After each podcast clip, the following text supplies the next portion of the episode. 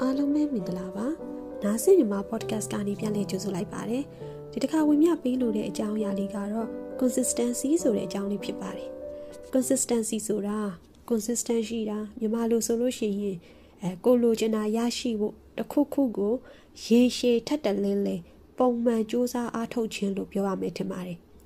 ဇွဲဆိုတာနဲ့တော့မတူဘူးဇွဲရှိတယ်ဆိုတာကအခက်အခဲတွေအတိုက်ခိုက်တွေကြုံရရင်တောင်မှ အားမလျှော့ဘဲနဲ့မိမိဖြစ်ချင်တာကို ဖြစ်အောင်လုပ်တာမျိုးကိုခေါ်တာပါ consistency ကြတော့ဖြည်းဖြည်းမှန်မှန်အောင်ပွဲခံဆိုတာမျိုးကိုရည်ညွှန်းပါတယ်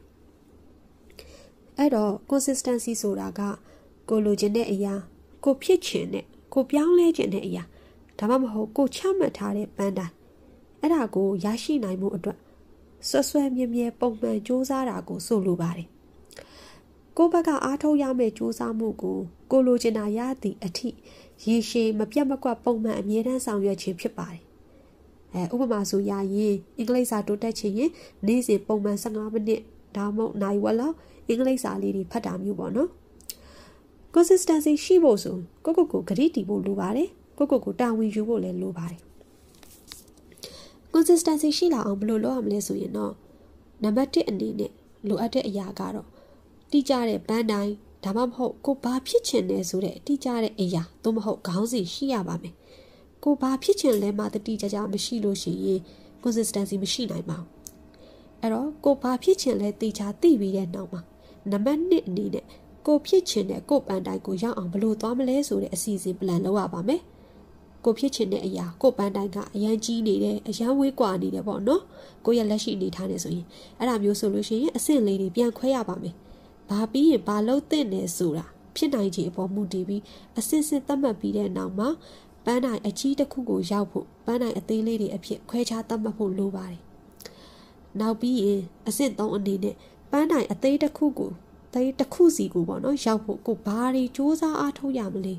ကိုနေ့စဉ်အပတ်စဉ်လစဉ်စသဖြင့်ဘာတွေလုပ်ရမလဲဆိုတာကိုအချိန်စရာနဲ့တကွပေါ့နော်အစီအစဉ်ဆွဲတင်ပါတယ်အဲဒါမှသာကိုပန်းတိုင်းကိုရောက်ဖို့ အချိန်ဘလောက်လိုသေးလဲ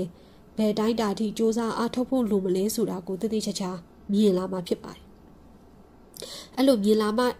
မြင်လာမှသာလျင်ပုံမှန်ဒါစ조사အားထုတ်ခြင်းစိတ်ဖြစ်လာမှာဖြစ်ပါတယ် motivation ရလာမှာပေါ့နော်အဲ့တော့သူများပေးတဲ့ motivation ဆိုတာခဏပဲခံတာပါကို့အတွင်းကဖြစ်လာတဲ့ motivation ကဒါကိုဘဝကိုပြောင်းလဲစေနိုင်လောက်သည့်အထိဒါအင်အားကြီးတာဖြစ်ပါတယ် နောက်ဆုံးအဆင့်အနေနဲ့ကတော့ကိုယ့်ရဲ့ motivation တွေနဲ့အတူကိုသတ်မှတ်ထားတဲ့ပန်းတိုင်ကိုရောက်ဖို့မပြတ်မကွက်ပုံမှန်အားထုတ်ရမှာဖြစ်ပါတယ်။ပန်းတိုင်အသေးလေးတွေစီကိုရောက်ဖို့ကိုချမှတ်ထားတဲ့နေ့စဉ်လစဉ်ကိုလုံးရမယ့်အရာတွေကိုကိုချမှတ်ထားတဲ့အတိုင်းမပြတ်မကွက်လှုပ်ဆောင်ရပါမယ်။အဲအချစ်မရှိလို့ရှိရင်ဒါဟာအစပိုင်းမှာခက်နိုင်ပါတယ်။ကိုကိုကိုစင်ကြင်အမျိုးမျိုးပေးပြီးတော့ကိုချမှတ်ထားတာတွေကိုကိုယ်တိုင်ပဲဖြတ်တာပြက်ကွက်တာတွေဖြစ်လာနိုင်ပါတယ်။ အဲ့ဒီအခါကိုယ့်ရဲ့ပန်းနိုင်စီသွားမယ်အစီအစဉ် plan အသေးစိတ်ကိုတေချာပြန်ဖတ်ပြီးတော့ကိုယ့်ကိုယ်ကိုပြန်ပြီးတွန်းအားပေးဖို့လိုပါတယ်ဘဝမှာတခုခုဖြစ်ချင်တယ်ပြောင်းလဲချင်တယ်အောင်မြင်ချင်တယ်ဆိုလို့ရှိရင် consistency ကမရှိမဖြစ်လိုပါတယ်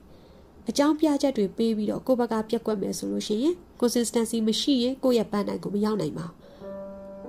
ဟုတ်ကဲ့ပါအခုဝင်ပြခဲ့တဲ့အကြောင်းအရာလေးကဘဝအတွက်တစုံတရာကြိုးရှိလိမ့်မယ်လို့မျှော်လင့်ပါတယ်နားဆင်ပေးတဲ့အတွက်လည်းကျေးဇူးအများကြီးတင်ပါတယ်အားလုံး ကျမ်းမာပြီးကြပါစေရှင်။